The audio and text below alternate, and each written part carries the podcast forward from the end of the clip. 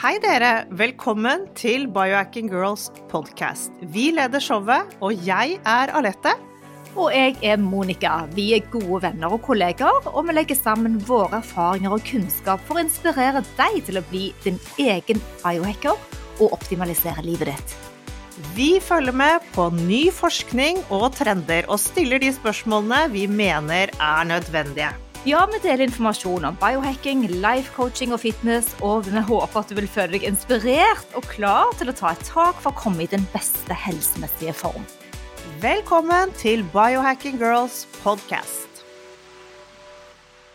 I dag så har vi lyst til å reflektere litt rundt hva som har skjedd den siste tiden. Vi har vært i lockdown, vi, nå ser vi konsekvensene av uh, hvordan folk har levd disse årene under covid, hvor alt var veldig usikkert.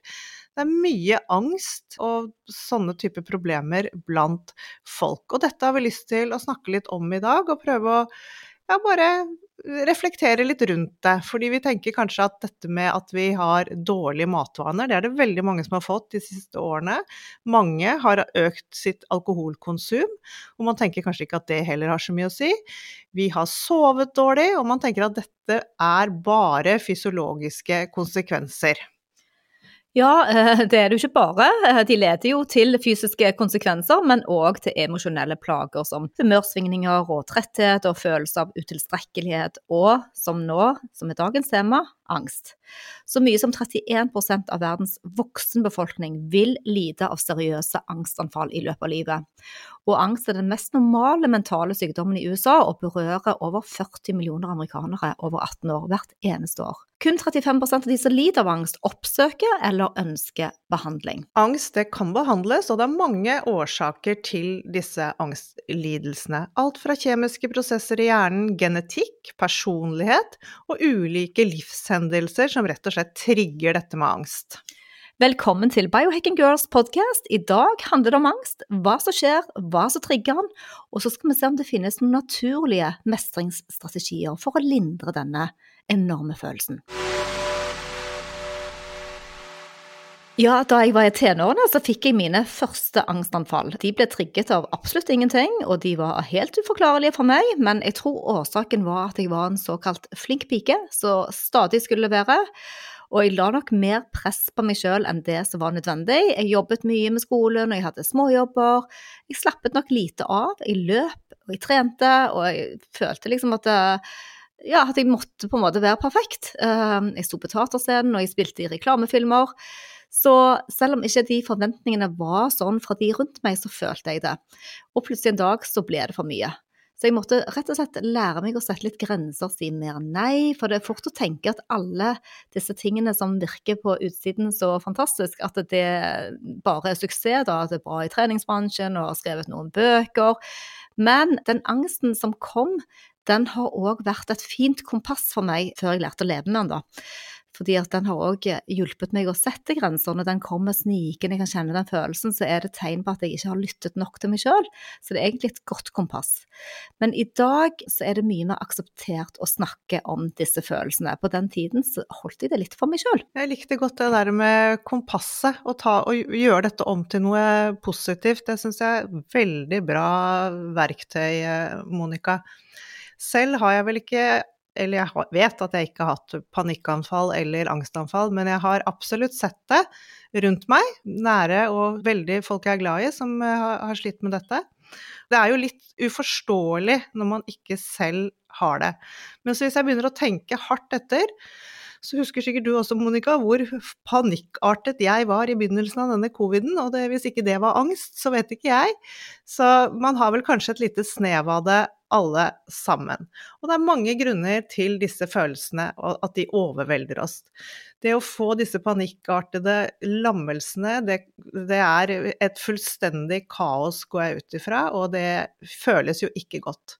Et anfall det kan minne faktisk om at man får et slags hjerteinfarkt, og det er fort gjort at man får veldig høy puls, man kan få svettetokter, og man tror rett og slett at man må gå til legen fordi man er fysisk syk.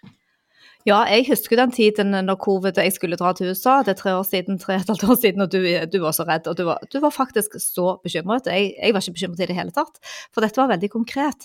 Når vi snakker om denne irrasjonale angsten, så er den ofte ikke så konkret. Den kommer bare som lyn fra klar himmel, og du skjønner ikke egentlig hvor du er ute og går på gaten, så skjer det et eller annet i deg.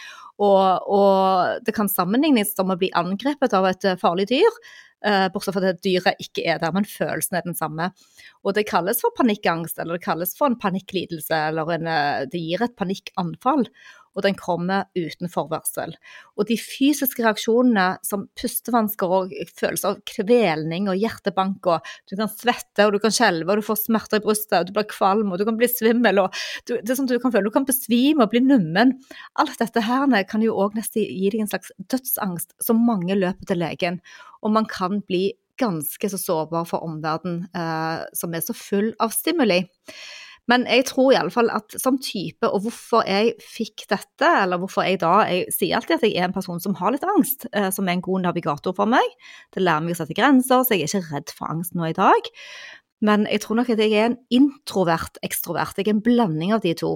Det betyr at jeg kjenner meg både sosial og glad, jeg liker å være mennesker og knytte bånd. Samtidig så er disse relasjonene de som krever mest av meg. Jeg må koble ut. Og det er faktisk ikke alltid like lett, det vet du òg, Alette, å forklare. For folk syns at jeg er sær eller asosial.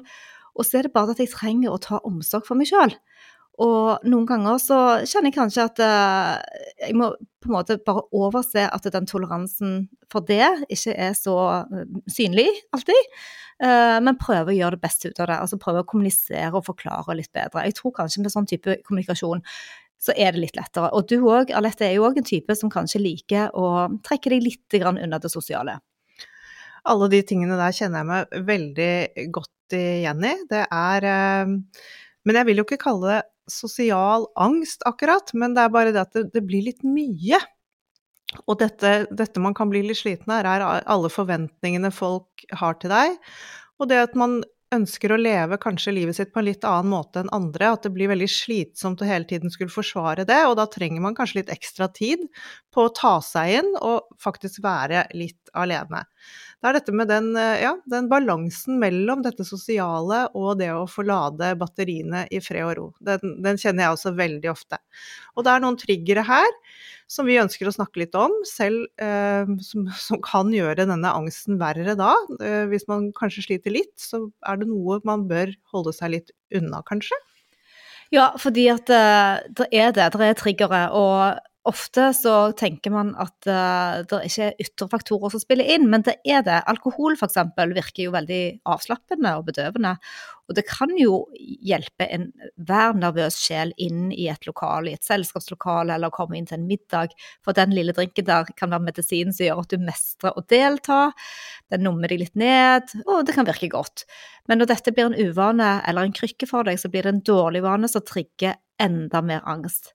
Så det starter kanskje med litt angst, og kan utvikle seg til å bli en enda lengre og mer krevende nedtur enn det man faktisk trodde. Ja, og junkfood, det det er nesten på linje med alkohol, fordi det er veldig mange som spiser for å døyve smerter, bruker sukker og junkfood som en sånn krykke som andre bruker alkohol. Vi vet jo nå at folk faktisk er avhengig av sukker, men det gjør det jo absolutt ikke noe bedre.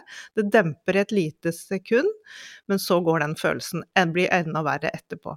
I tillegg har man da også dårlig samvittighet fordi man har spist alt dette driten, og så er det veldig lett da å falle inn i denne spiralen og begynne med litt kaffe fordi man føler seg litt uggen og trøtt, og så har man det gående.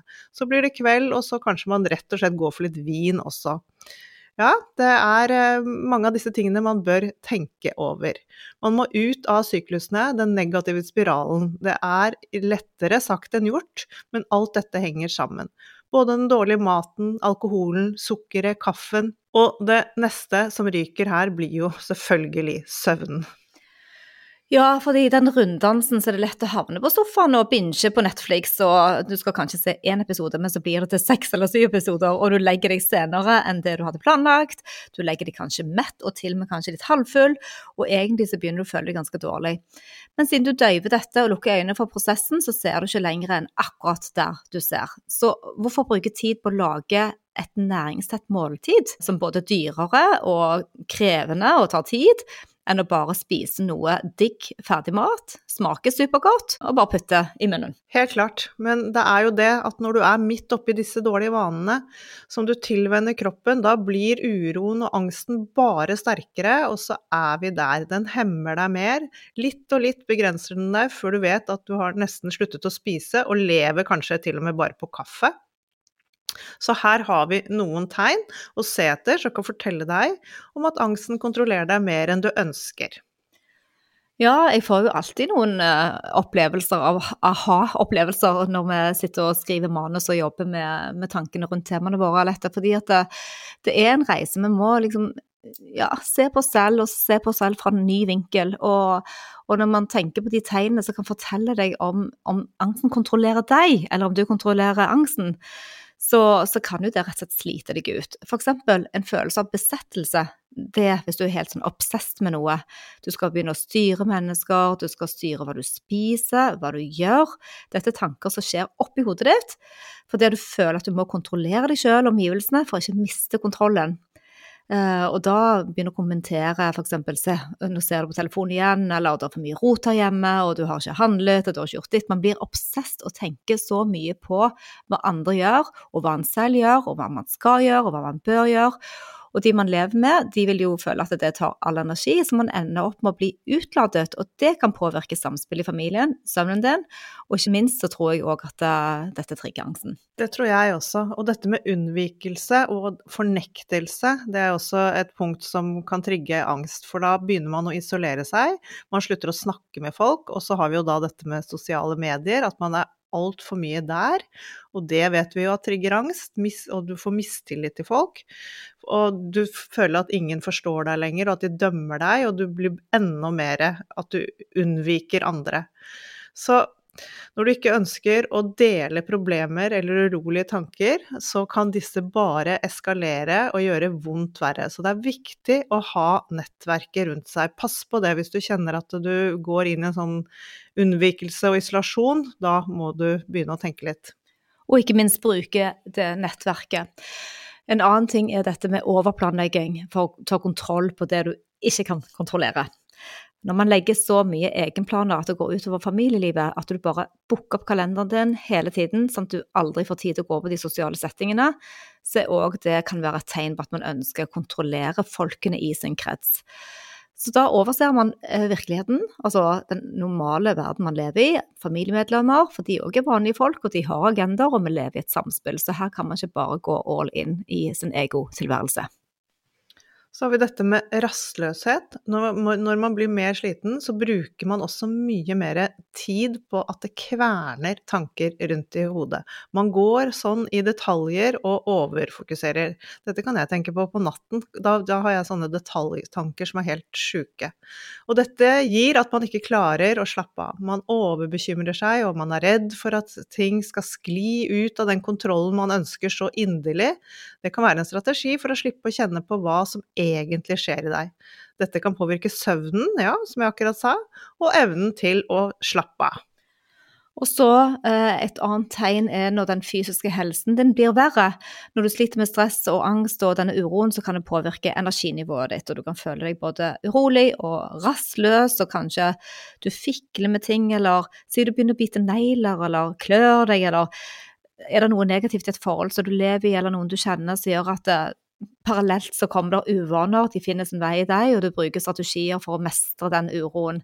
Dette er fysiske tegn på at du kanskje trenger å snakke med noen for å få forståelse og søke balanse. Og dette er selvfølgelig kun få tegn på angst og uro, det er masse annet også. Men lider du av angst og uro, kan det fort være en del av personligheten din. Lær deg å bli venn med den, snakke med den, ikke unnvike å flykte den. Det er bedre å ta litt mer grep rundt den, og ikke, ja, ikke være så redd for den. Men det finnes hjelp å få hvis man da klarer å ta skrittet og søke. Så la oss ta en runde på hva vi tenker som biohackere når det gjelder angst. Men husk nå der hjemme å snakke med din egen lege om behandling, for det er mange gode grunner til å trenge medisiner, og kanskje også supplementer, men vi i dag skal kun fokusere på naturlige hjelpemidler her, fra et biohacking-perspektiv. Ja, så vi vil begynne med at du må fikse magen din. Den må komme i balanse. Den snakker konstant med hjernen din, og det er mange studier som viser linken til fra tarmhelse og mentale utfordringer som angst, depresjoner og, og nevrogenerative lidelser. Har du ubalanser i din mikrobiome, vil mave bli irritert, og det sender signaler fra maven og rett opp i hjernen gjennom sentralnervesystemene våre, som kan forårsake humørsvingninger. Tarmfloraen vår er utrolig viktig. Vi snakket jo med Bill her, og han, da ble vi faktisk litt sjokkert over hvor lite tarmflora vi har nå, for vi lever i en sånn verden som er helt uten, og særlig etter covid, vi har brukt antibac så det ljomer. Så den må vi virkelig få litt tak i. Men vi har noen kjempefine hacks her som vi kan starte med. Og det er selvfølgelig det vi snakker om igjen og igjen. Dropp sukkeret, spis antiinflamatorisk mat, bruk MCT-olje, prebiotisk mat som søtpotet, mørk sjokolade, kaffe, men ikke for mye selvfølgelig. vi kan tilsette kollagen i kosten, for det hjelper å reparere tarmslimhinnen.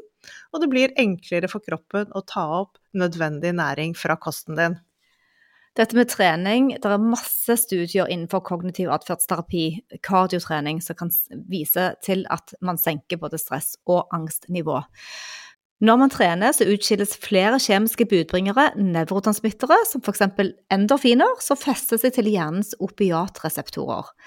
Den reduserer smerteoppfatningen og gir hjernen din en følelse av eufori. Det er en studie der man økte nevrotransmitteren GABA, og der viser man at det òg roer ned nerveaktiviteten i hjernen. Du kan ta tilskudd på GABA på supplementer på 750-1000 mg daglig i en periode. Løping, trampoline, svømming og selv en spasertur kan dempe angst, men bruk gjerne 15-30 minutter utendørs daglig. Yes, og bevisstgjør tankene dine. Det er mange negative tanker, og negativt selvsnakk det kan påvirke veldig hvordan vi føler oss. Så prøv å utfordre disse, prøv å endre noe, og gjerne gå en, gå en tur ute. Kjenn på sollyset, så skal du se at du da begynner å snakke litt penere med deg selv. Mange tanker er jo automatiske, så det å lære å stille spørsmål for hvorfor de kommer, det kan hjelpe deg å tenke de nye tankene. Du trener hjernen, og dette må du jobbe med. Det skaper nye nevrale veier. Journaling er en kjempefin teknikk. Skriv det ned, og still deg selv spørsmålene. Kan du formulere noen av tankene, skriv de ned på nytt, og registrer hvordan tankene dine påvirker deg. Dette er en skikkelig jobb, men gud, så mye bra det kommer ut av det.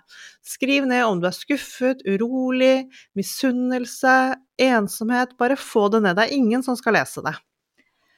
Så en ting som vi vet òg, eh, det er forsket mye på, det er å tilsette mineraler for å dempe uro. Det er enkelt og ikke så kostbart. Magnesium og natrium f.eks.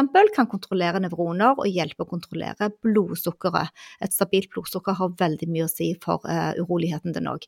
Vanskelig å få nok i maten, det er det, uh, selv om du spiser ren mat. Mineralmangel eh, belaster binyrene våre og gjør det vanskelig for kroppen å holde tritt med alle kravene som vi står overfor i livene våre når vi skal jobbe og hente barn og i det hele tatt. Men 80% av verdens befolkning de mangler magnesium, og det kan gjøre deg både engstelig og trøtt og søvnløs, og det kan òg gi migrene. Vi bruker jo da 500 mg fra Superstate. Vi har en rabattkode der, Core Balance 10, må bare si det. Kjempegodt tilskudd, men uh, magnesium generelt sett. Du kan òg edde litt salt, uh, real salt eller rosa Himalaya-salt, som inneholder hele 80 spormineraler. Potassium, kalsium, magnesium, jod, jern og sink. Hvis ikke du har hoppet på meditasjonsbølgen, så vil jeg og Monica slå et slag for den. For det tror jeg nesten alle har fått med seg at det er forsket opp og ned at dette stimulerer og reduserer angst. Det stimulerer forskjellige områder i hjernen og roer ned nervesystemet vårt. Det å fokusere på din egen pust, bare din egen kropp, akseptere tanker som strømmer forbi uten at du dømmer verken tankene dine eller deg selv. 20 minutter daglig, det kan kanskje føles litt sånn overveldende. Begynn med to minutter, sett på en klokke, og du skal se hvor fort det går, og så blir du litt sånn avhengig av det.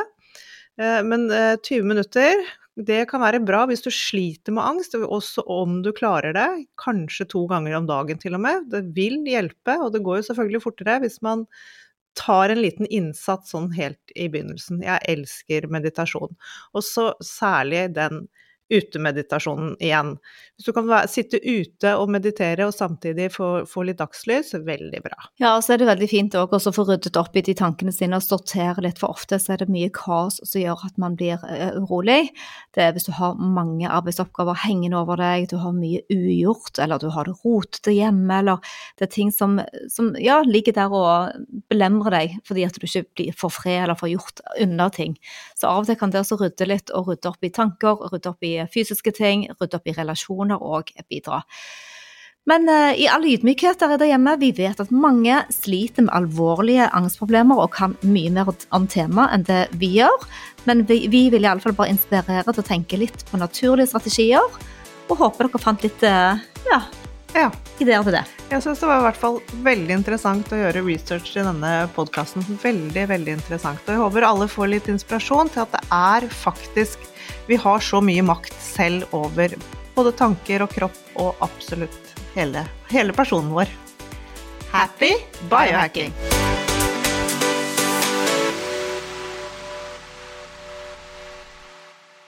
Vi minner om at dere må snakke med egen lege eller kostholdsveileder om dietter og andre spørsmål relatert til medisiner og supplementer. Informasjon vi deler kan ikke bli brukt til å diagnostisere, behandle, forebygge eller kurere noen sykdommer eller tilstander.